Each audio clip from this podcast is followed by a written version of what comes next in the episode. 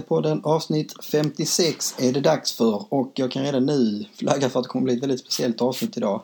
Marcus är i Asien och reser runt och har det bra i värmen eh, och mina försök här under ve veckan med att försöka få till det med en gästpoddare har inte riktigt gått så som jag hade hoppats på. Eh, en del sena återbud och eh, själv egen planering som inte riktigt gått. Eh, som jag tänkt. Eh, vilket gör att jag sitter här själv idag eh, och ska försöka få ihop så att vi i alla fall får ut ett avsnitt så att jag har någonting att lyssna på här under julen. Och vi vill ju gärna hålla den här regelbundenheten med att komma ut i alla fall en gång i veckan. Så jag får väl på förhand redan be om ursäkt för att det är risk att det blir en väldigt ensidig monolog här med bara min röst och ingen att bolla tankar och funderingar på. Men jag ska göra mitt bästa. Vi rullar väl direkt in på lite nyhetssvep. Kort, den största nyheten den här veckan har ju varit att Jason Murillo är klar för Barcelona. Eh, han lånas ut våren för 2 miljoner euro och det finns en utköpsklausul på 25 miljoner euro. Eh, det har också kommunicerats från Valencia-håll att man inte kommer att ersätta Murillo i vinter med någon ny mittback utan man känner att man, man är väl täckt här med de fyra mittbackarna man har med Garay, Gabriel, Diakby och Veso. Vi kommer li lite grann in på den här transfern senare i avsnittet med lite mer tankar omkring, omkring transfern. Eh, på andra eh, sidan planen höll på att säga. Nya rykten om Batshuayi. Flera klubbar sägs vara intresserade och Valencia verkar också vara benägna att kunna släppa Belgien redan i vinter. Eh, Batshuayi har ju inte riktigt alls anpassat sig känns det som i, till, till truppen eller till det regler som gäller i Marcelinos Valencia och han har inte alls kommit till sin rätt och fått ut någonting på planen heller under hösten.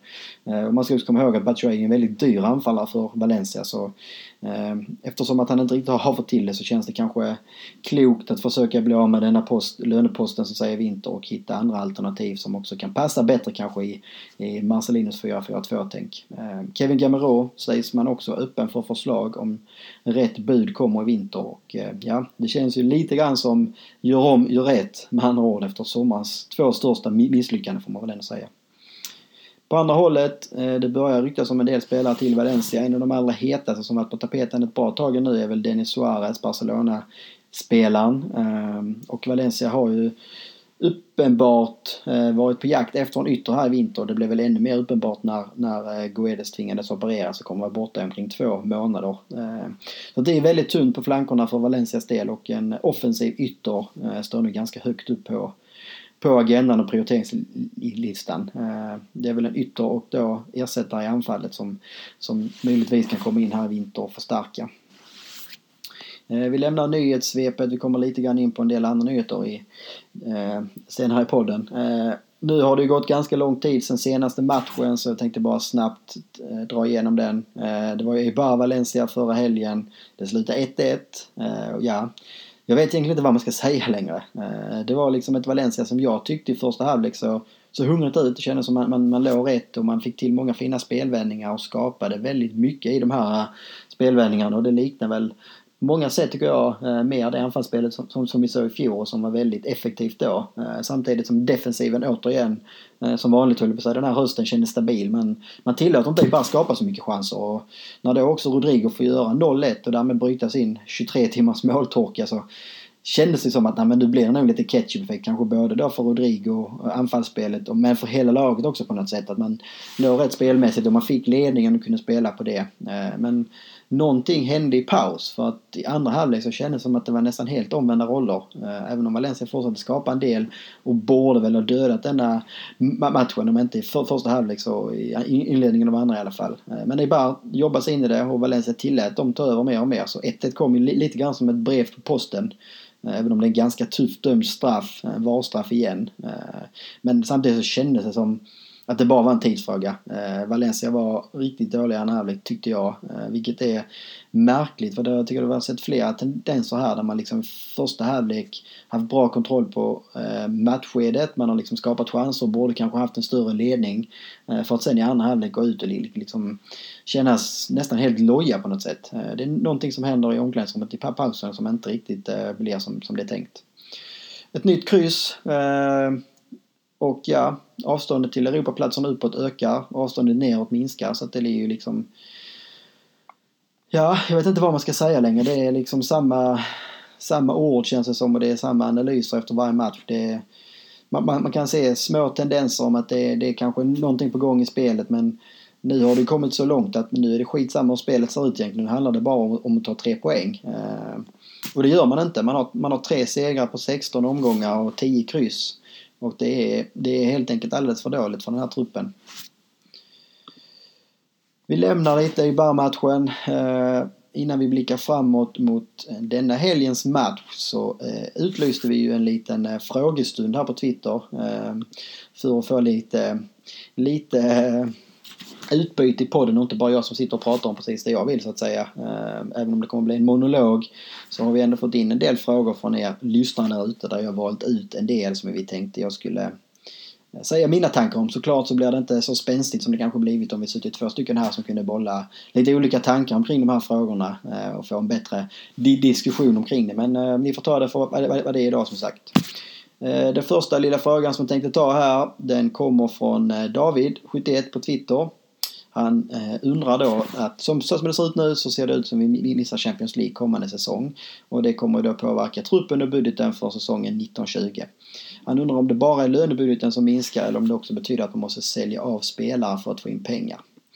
Och det har ju att göra det här med Fifa Financial Fair Play såklart. Eh, och det är lite lurigt och det går väl inte helt förenklade eh, men man, om man ska hårdra det så att säga och inte köra en egen podd om hur Fifa Financial Fair Play är upplagt i en timme.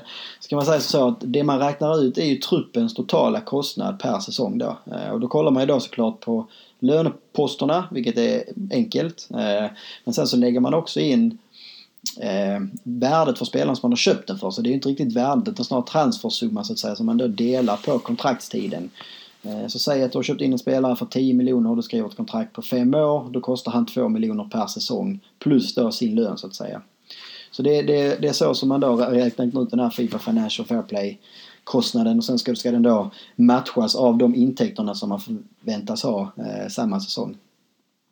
Och det är också det här sättet som flera klubbar har liksom kunnat gå runt det här genom att man då köper spelare i andra bolag så att säga, i en tredje part och sen så lånar man eller hyr ut honom till klubben. Och på det sättet så kan ju klubbarna då få för det liksom i Fifa Financial Fair Play att se ut som att man har betydligt lägre kostnad för spelartruppen än vad man kanske egentligen skulle haft om man hade värvat dem på ett riktigt sätt. Eh, så svaret på frågan är ju ja, missar vi Champions League så kommer det säkerligen innebära att man behöver eh, se över en del dyra spelare så att säga eh, och banta hela, hela truppens kostnad. Och både för att liksom få ner totala kostnaden men också för att kunna kunna få till eventuella förstärkningar så att säga så lär det bli att man behöver skeppa lite dyrare spelare och ta in lite billigare. Ehm, så att det är ingen, ingen rolig tillbakagång känns det som om det skulle bli så vilket det i nuläget verkligen ser ut att vara på väg åt det hållet. Eh, Timo den kunde inte hålla sig utan han skickade iväg en fråga här på Twitter faktiskt från Asien. Ehm, han undrar hur stor missräkningen efter sommarens transferfönster med tanke på att Daniel Vass egentligen är den enda ordinarie nykomlingen. Och känslan i augusti var att detta var den bästa transfersommaren eh, på länge, om inte någonsin. Och det sista kan man hålla med om. Känslan i sommar var ju att man gjorde ett riktigt bra fönster. Alltså dels så fick man behålla alla nyckelspelare, eh, de, de som var stöttepelarna i fjolårets framgångssaga får man väl ändå säga. Eh, Stanna kvar i Valencia. Vi hade ju många som ryckte i, i Rodrigo framförallt. Kondogbia var ju också aktuell för en hel del större, större klubbar så att säga. Men, men man behöll alla de man ville behålla.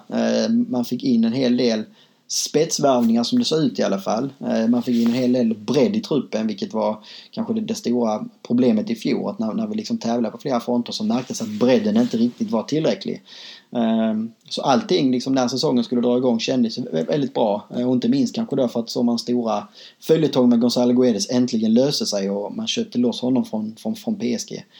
Men eh, precis som Marcus här är inne på så har det ju varit en enorm missräkning. Det är liksom ingen som kan säga något annat. Och det är ju egentligen ingen spelare som kom in i somras som har varit med och bidragit i höst. Sen så är det klart att det, det kanske är få av de andra spelarna heller som har gjort det. Men om man nu liksom bara ska analysera och bedöma eh, transferfönstret så kan man ju konstatera att eh, Guedes kommer in och blir permanent. Han har inte spelat så mycket i höst och när han väl har spelat så har han varit en skugga av, av det vi såg under eh, hösten i fjol. Eh, Kondogbia skulle nästan sätta i samma fack.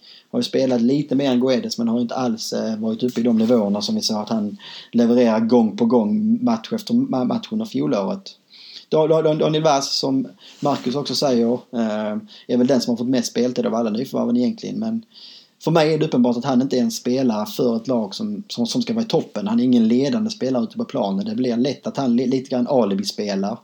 Eh, jag tycker att han var en bra truppvärvning. Ehm, men det har väl, säger väl någonting om liksom Valencias svaghet i höst att Daniel Vass har fått starta så många gånger som han har fått på ytterpositioner som då i fjol var där som vi satte fart och som byggde upp offensiven och många målen. Ehm, Gamero, Batshuayi på topp, de har vi pratat om många gånger här och det är väl liksom ingen annan som, ingen som kan säga något annat än att de har varit två stora floppar.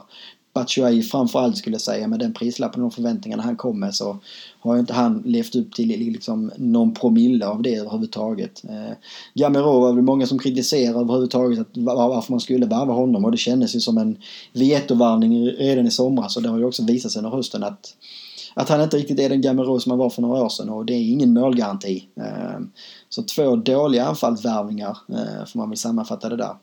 Piccini på högerbacken har ju inte blivit uppköpet mot Montoya som vi kanske hoppats på. Det känns väl snarare liksom som att de, de går jämnt ut så det känns väl också som en på det, det sättet misslyckad värvning skulle jag säga. Man hade hoppats att Piccini skulle vara ett par snäpp stabilare än Montoya. Eh, även om jag tycker Piccini på slutet kanske har spelat upp sig så vi får väl hoppas att eh, det finns mer att ta ut av honom här under resten av säsongen.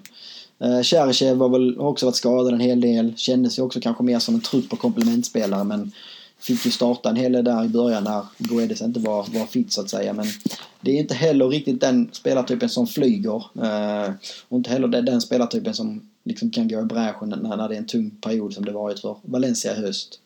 Eh, sen har vi då Diekby i mittback eh, mittbackslåset som möjligtvis då har bättrat sig på slutet när han har fått nästan spela tid till sin plats och börjar väl kunna se liksom vad det är Valencia såg i honom och börjar kunna se de kvaliteterna som vi också såg i, i, i Lyon. Eh, men summa summarum så har ju det liksom transferfönstret så, som såg så väldigt bra ut på pappret har ju liksom ute på planen eh, om man ska liksom dra alla över en kam så är det ju en stor flopp. Eh, framförallt om man tänker också vilka pengar som Valencia ändå la på spelare in i somras och hur länge sedan det var som vi liksom kunde göra sån här stor satsning så har man fått ut väldigt, väldigt lite av det.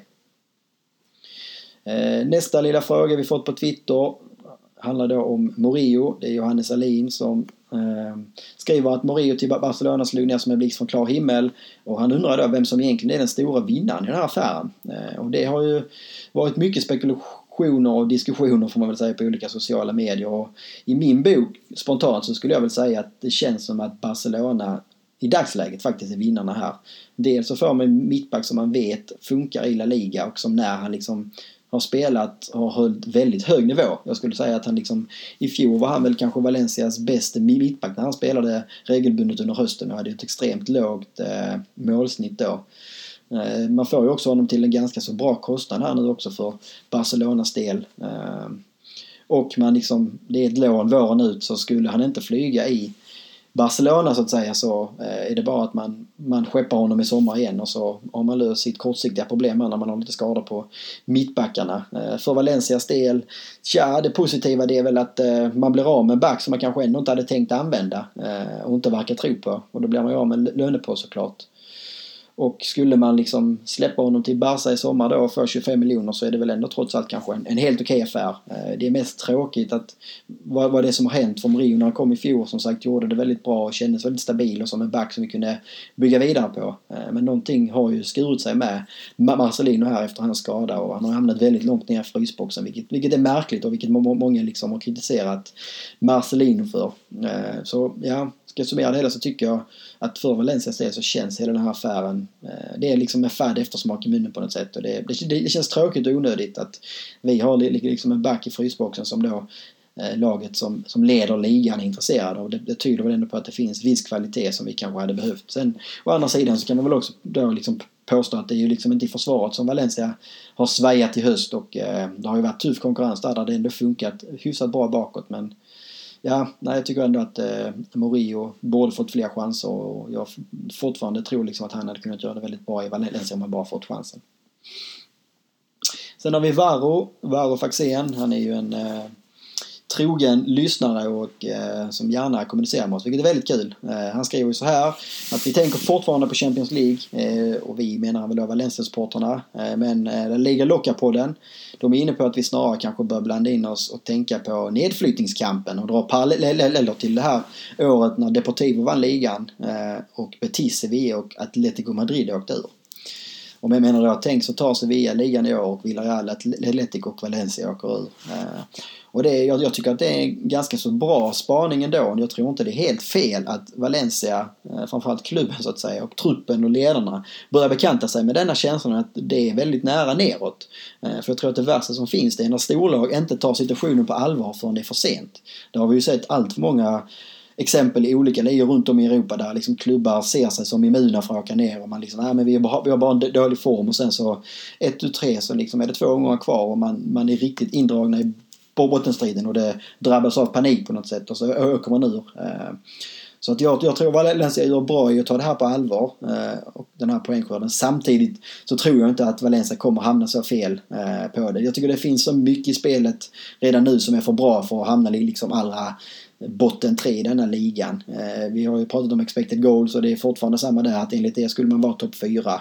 Eh, försvarsspelet har vi berömt och det har ju liksom varit bra hela hösten. Man släpper in få mål och det är ju bara inom situationssäkert anfallsspelet som egentligen behöver komma igång för att det här ska börja tugga igång en riktig poängmaskin på något sätt. Eh, så jag tror inte på att det kommer bli en bottenstrid där vi kommer liksom vara med hela vägen och behöva kriga för ett nytt kontrakt. Eh, men jag tror dessvärre inte heller att det kommer att vara en strid där vi liksom är med och fightas på allvar om någon Champions League-plats. Utan så som det ser ut idag skulle jag säga att eh, jag skulle tippa att vi hamnar någonstans mellan kanske plats 6 och plats 10. Och jag skulle också avsluta säga, men skulle Valencia åka ur i år med den truppen som man har eh, och med hänsyn till liksom hur övriga bottenlagstrupper ser ut så skulle jag nästan kalla det en av de största fotbollsflopparna någonsin faktiskt.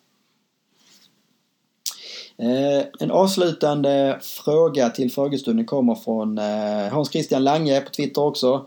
Mulo83, en väldigt initierad Valencia-supporter som också är ordförande i Peña Cescanave faktiskt. Eh, han skriver då på norska och jag försöker väl översätta det till svenska så gott det går. Eh, han frågar om, om man egentligen kanske har lite fel syn på sin egen storhet inom klubben. Eh, det verkar som att man förväntar sig på en, en tidpunkt att eh, universum på något sätt ska placera Valencia där, där man tycker att man hör hemma. Eh, och fråga sig, är Valencia egentligen en storklubb idag? Och arbetar man systematiskt och hårt tillräckligt för, för att liksom komma dit Valencia hör hemma? Och det här är en väldigt intressant frågeställning, tycker jag, som jag säkert skulle kunna sitta här i flera timmar och eh, väga för och nackdelar emot. och lite grann så har vi varit inne på det här också innan i podden. Ehm, Ja, alltså, zoomar man ut några år så går det faktiskt att påstå, eller jag ska säga inte det bara går att påstå utan det går att konstatera att det, det, är, det är fjolårssäsongen som egentligen är undantaget. Kollar man liksom, vi hade två tolfteplatser i rad. Vi hade visserligen någon fjärdeplats 2015 men sen flög man tillbaka igen så att det är ju liksom årets säsong borde på det, den, för den saken skulle liksom inte vara, vara en chock kanske även om man borde vara ett par placeringar upp. Eh, men det går också liksom påstå att det blir nästan över tio år sedan som Valencia var en toppklubb säsong efter säsong och på allvar kunde liksom räknas in topp 4 och Champions League varje år. Efter det har det varit upp och ner. Mestadels ner såklart. Eh, men det är det som vi får vänta oss. Eh, och det här kan man liksom då tycker jag också lägga på ett lag och jämföra varför det gick bra i fjol och varför det inte går lika bra i år. Att kanske var det så i fjol att man liksom alla stjärnorna stod rätt på något sätt eller universum på något sätt placerar Valencia där man då tycker att man hör hemma. Eh, och vi hade väldigt, väldigt många spelare, framförallt under hösten, som, som överpresterar samtidigt. Eh, man liksom... Ja, kollar vi på spelare som Rodrigo, Sasa, Guedes, Kondogbia, Santemina, Parejo i, i, i, i, så känns det som de aldrig tidigare och än så länge inte efteråt heller har varit så bra som man var hösten 2017. Och det här tillsammans kanske gjorde att man, man liksom tog fler poäng än vad man egentligen normalt sett eh, skulle göra en sån säsong när man liksom får flera spelare att överprestera och liksom kräma ur max ur varandra under en viss period. Ehm, så det, med det skulle man då, då kunna säga att eh, årets kräftgång var lite väntat, att vi har halkat tillbaka. Att det var liksom, jag skulle vilja säga att det känns som, ja hur ska man säga det? Eh, I år så kanske det varit normalt att vi hade hamnat på en Eh, femte, sjätte, sjunde plats någonting. Eh, och vi är såklart långt ifrån det i år så det går ju heller inte att säga att nej men i år, det här liksom ska vi förvänta oss och det här får vi bara acceptera. Men jag tror att supportrarna att man, att, man, att man som supporter har en romantiserad bild av sin klubb och gärna svävar iväg. Det är ju sin sak. Det liksom, ligger ju i sakens natur på något sätt. Att man, man minns liksom de här goda tiderna och man gärna förtränger vad det var vad, vad, som var fel. Och ser man tendenser på att eh, man börjar närma sig den stor tid igen så Eh, det är lätt att sväva iväg ännu mer liksom. Eh, men det, jag tror att det farliga är ju om, om samma symptom och, och liksom naiva eh, känslospel finns i klubben och truppen och ledarstaben på något sätt. Eh, för det, det är då som det, det, jag tror kan bli farligt. Där gäller det liksom att hålla fötterna på, på marken och det är väl det som man, man bör oroa sig för om det nu är liksom spelare och tränare i truppen som har svävat iväg efter fjolåret och trott att man liksom är något annat än vad man är på något sätt. Eh, jag tror ändå summa summarum att på många sätt är man nu på rätt väg. Och, Eh, det är kanske också naivt att tro att liksom, de senaste tio åren som Valencia haft att allt det här bara ska vända över en sommar som man då gärna vill, tro i fjol. Utan jag, tror det krävs tålamod och acceptans. Och att det liksom, denna processen som det nog är, det är liksom två steg fram, ett tillbaka. Två steg fram, ett tillbaka. Eh, för jag tror alltså har man inte tålamod och acceptera det så är det lätt att man hamnar tillbaka i den här kortsiktiga spiralen igen. Där, där vi varit i, i tio år ungefär. Där liksom snarare under många års tid var ett steg fram, två tillbaka, ett fram, två tillbaka. Ehm, så jag, jag, tycker absolut att denna frågeställningen är väldigt intressant och väldigt relevant. Ehm, och det går väl också liksom att på något sätt komma fram till någon slags sammanfattning. Alltså vad är det, vad är det vi, vi egentligen kan kräva av detta Valencia då? Är vi liksom inget topplag längre? Ehm, och för min del så det jag kräver av klubben eller av, ja, av klubben och spelarna och alla runt omkring det är väl egentligen fyra saker. Jag har skrivit detta på Twitter också. Alltså det, för det första, och det här är väl egentligen eh, i, i den här fallande ordningen också på något sätt kanske.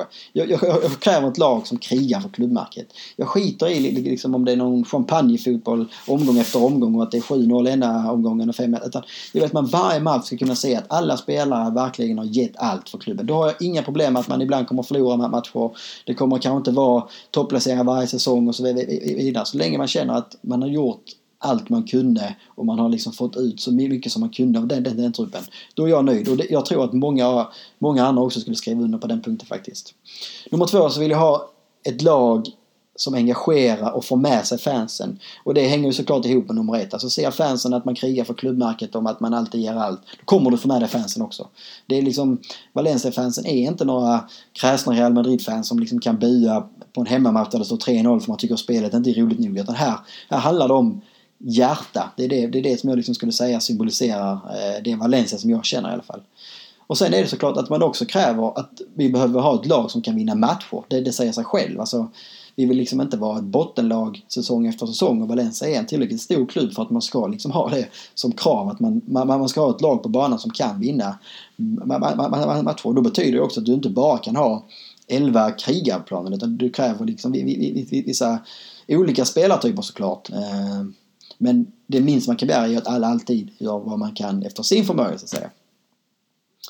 Och den fjärde punkten eh, det är att vill ha ett lag som kan mäta sig med alla lag i ligan. Och den ligger ju alltså sist av en anledning på något sätt. För de andra grejerna, det gäller att ta det här i rätt ordning. Får du med dig de här andra tre grejerna som jag sa, då kommer du också få punkt nummer fyra. Alltså då kommer Valencia återigen kunna vara ett topplag som ska kunna vara med och kriga om en ligatitel kanske var femte, sjätte år. Och man liksom ska vara med och prenumerera på Champions League-platserna säsong efter säsong.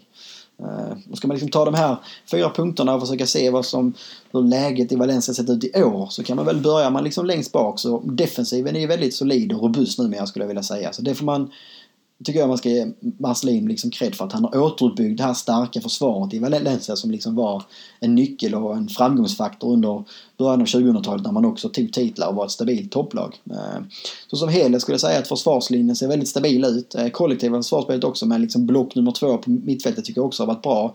Det enda som har kanske stuckit ut negativt i år jämfört med i fjol det är väl pressspelet där vi varit betydligt sämre i år tycker jag. Där man, det kändes ju det som var en, nästan en liten USP för Valencia i fjol var ju liksom pressen som började med anfallarna där man fick med sig mittfältet och ofta liksom kunde återerövra bollen långt upp i banan. Där har man inte alls varit lika aggressiva i år vilket jag saknar och också tror liksom Liksom att det är en anledning till att man inte fått igång anfallsspelet. man varje gång behöver börja anfallsspelet så långt ner i banan. Uh, ja, och anfallsspelet i sig, om man nu går över till det, det är ju problemet då att inte det flyger. Uh, och det känns ju också osäkert, tycker jag, hur man vill spela. I fjol så var det ganska tydligt, man vill spela snabba spelvändningar, passningar framåt och gärna längs kanterna när man återerövrar bollen. I år så känns det som att man försöker lugna ner spelet, man passar gärna den i sidled eller drar om uh, i, i försvaret och sen ska man då försöka luckra upp försvaren man möter. Och jag tycker inte att kvaliteten av spelartyperna för att kunna göra detta finns i laget idag. Eh, det blir för liksom beroende för ett innermittfält som ska styra det här och kreativa spelare längre fram i banan som man inte riktigt har. Den här spelvändningsspelet är ju det som lyckades så väl med den, samma sorts trupp som i fjol och det kändes också som värvningarna som har gjorts har ju byggts på det här, det här anfallsspelet och det sättet. Eh, sen så är det klart att Parejo blir man också väldigt beroende av liksom att ha en spelare på innerfältet som kan styra det här. Eh, och även en Rodrigo ska jag säga som blir den här länken mellan anfall och mittfält. Och ja, de har ju, ingen av dem har direkt rosat marknaden i höst. Eh, men alltså jag tycker att i år så har det varit för lättläst. Alltså motståndarna vet exakt vad vi, vi, vi ska göra. Alla vet exakt vad vi ska göra. Och då tar man inte de här uppoffrande löpningarna och öppnar upp för varandra. Och då, då blir det väldigt uddlöst anfallsspel. Och det är ju det vi har sett hela hösten. Och det är väl det här som kanske är den största kritiken mot Marcelino i år egentligen. Det är ju att hans taktik är för lättläst och det finns ingen plan B på något sätt. Och det känns ju som, som jag var inne på innan också, att han börjar svaja i hur man vill spela. Vill man ha spelvändning eller vill man inte ha det på något sätt? Och han har också väldigt svårt att ändra sin taktik i matcherna på något sätt. Alltså som vi var inne på innan, i, sett flera gånger i halvtid att det blivit betydligt sämre i andra halvlek än det var i första halvlek, vilket är konstigt. Eh, och ja, väldigt märkligt att, att man liksom kan, kan liksom tappa initiativet eh, så pass mycket som man gjort i flera matcher faktiskt. Och det känns väl också som att hans taktik kanske är lite för spelarberoende då. Om det nu är liksom så att för att han ska få ut max av sin, taktik så krävs att du har liksom en Guede som flyger. Eh, det krävs att du har liksom en anfallare som uppställer. Nej men då, då kanske det inte är helt rätt taktik heller. Ska man summera det här då? Alltså grunden känns som den är lagd runt om i klubben och där känns som att man verkligen har fått tillbaka en professionalism och någon tydlig riktlinje. Och någon, någon, någon slags stabilitet som liksom saknas under Peter Lims för, första år i, i klubben. Så att man ska liksom inte ta några förhastade beslut eller eh, göra några större rockader eller förändringar här tror jag. Utan jag tror mycket framåt här det handlar om attityden. Attityden ute på planen och det är Marcelino som liksom är ansvarig för det och få fram det här hos spelarna och liksom få dem taggade och tända. Och det gäller för alla spelarna också att liksom fatta att eh, man är inget världsmästarlag för man, man, man kom fyra i fjol. Utan av med finbyxorna och på med blåstället igen och börja kriga.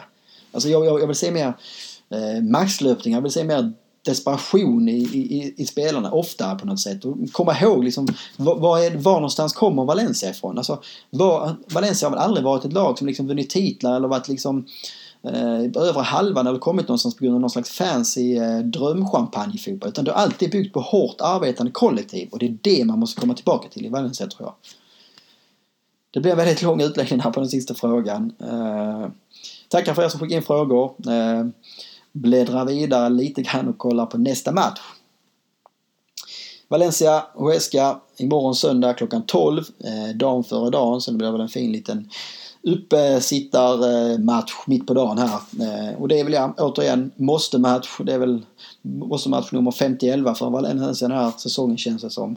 Eh, men allt annat än en, jag ska säga, rejäl seger så tror jag att Marcelinos nio liv och livlinor börjar ta slut. Och det är inte omöjligt att det kommer komma någon slags förändring kanske redan under julledigheten i så fall. Valencia spelar ju söndag och sen så är man lediga fram till den 30.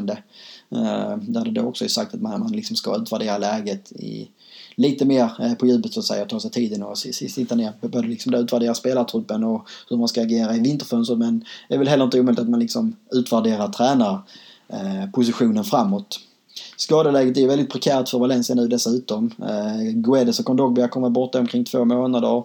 Coquelin och Gabriel är borta till januari. Eh, Tony Lato är borta också året ut mest troligen och Gamero är väl också, också väldigt tveksam om han kommer, kommer till start i helgen efter sin, eh, sin skada. Ehm, så att ja, det är många, många spelare borta av skada och Mario har liksom skeppats. Ehm, och truppen släppte faktiskt här precis eh, när jag håller på att spela in podden så jag kan väl bara dra truppen rakt upp och ner. Ehm, vi har eh, Domenech, Netto, Piccini, Ruben Veso, Garay, Diakby, eh, Oros Rakic, Gaia, Tony Lato med i truppen trots allt. Positivt. Eh, Dani Parejo, Daniel Vaz, Carlos Soler, Ferran Torres, Kangin Lee, Cherichev, Rodrigo Santimina och Batshuayi. Så ingen Gamero alltså, men då Tony Lato med. Också spännande att se Kangin Lee och Uros Rakic med, med, med i truppen från, från Mestalla. Och det kanske är läge liksom att ge en Kangin Lee eh, debut och få göra ett eh, lite längre inhopp. Kollar vi lite grann på Esca så är det ett lag som Valencia ska slå eh, sju dagar i veckan. Man har åtta poäng efter 16 omgångar och är sist i tabellen. Och mycket tyder väl liksom på att eh, man kommer att åka ur och man kommer kanske göra det också med råge. Och det känns som att eh, det kan vara klart ganska tidigt att HSK kommer att åka ur. Så att Valencia liksom Vinner man inte en sån här hemmamatch mot ett sånt bottenlag då är det, då, då, säga, då är det kris på riktigt. Man har liksom 21 insläppta och 4 poäng på, i sitt bortafacit. Så att eh, det, det är Tuesca som inte ska ha en suck på Mestalla. Eh, kan vara lite värt att nämna Cucho Hernandez anfallare i Oesca som man kanske har ett extra öga på. Han har varit en ryktenas man faktiskt till eh, Valencia här det senaste året egentligen. Eh, vi får hoppas att han inte gör mål eller sen kommer Valencia på Mestalla men det kan vara en intressant spelare att hålla koll på i bortalaget. Annars så känns det väl som det är väldigt bra läge för Marcelino och truppen att ta liksom en fin eh, storseger kanske. Kunna gå till julledigt med, med en skön känsla i gruppen eh, och också då såklart lite mer nöjda miner på Pompom Mestalla och få bort den där den pressen som har legat på axlarna under, under hela hösten. Scorecast kan vi göra lite snabbt eh, monolog på den också. Eh, jag tror, alltså jag har ju varit naiv och romantisk hela hösten men nu, nu, ja, nu må, må, måste det hända något. Eh, det är ju ett prekärt skadeläge förvisso men jag tror ändå att det blir, eh, jag tror det blir 3-0 eh, och jag tror att Rodrigo eh, gör det första och jag tror att han gör två mål och Sandemini gör det tredje. Så 3-0 för mig och så får ni gärna fylla på med era tips här i Twitter eller på, på Instagram eller Facebook. Eh, med det så avrundar jag detta lilla julavsnittet. Eh, förhoppningsvis så kommer det ut ett avsnitt också här i mellandagarna där det kanske kommer bli lite mer summering av, eh, av året eller summering av hösten i alla fall. Eh, och förhoppningsvis också summering av en, av en fin seger mot Huesca imorgon söndag klockan 12. Tack för att ni tragglat er igenom min monolog och med detta så vill jag och Valencia-poddens vägnar önska er alla en riktigt god jul och tack för den hösten så hörs vi snart igen. Hasta luego!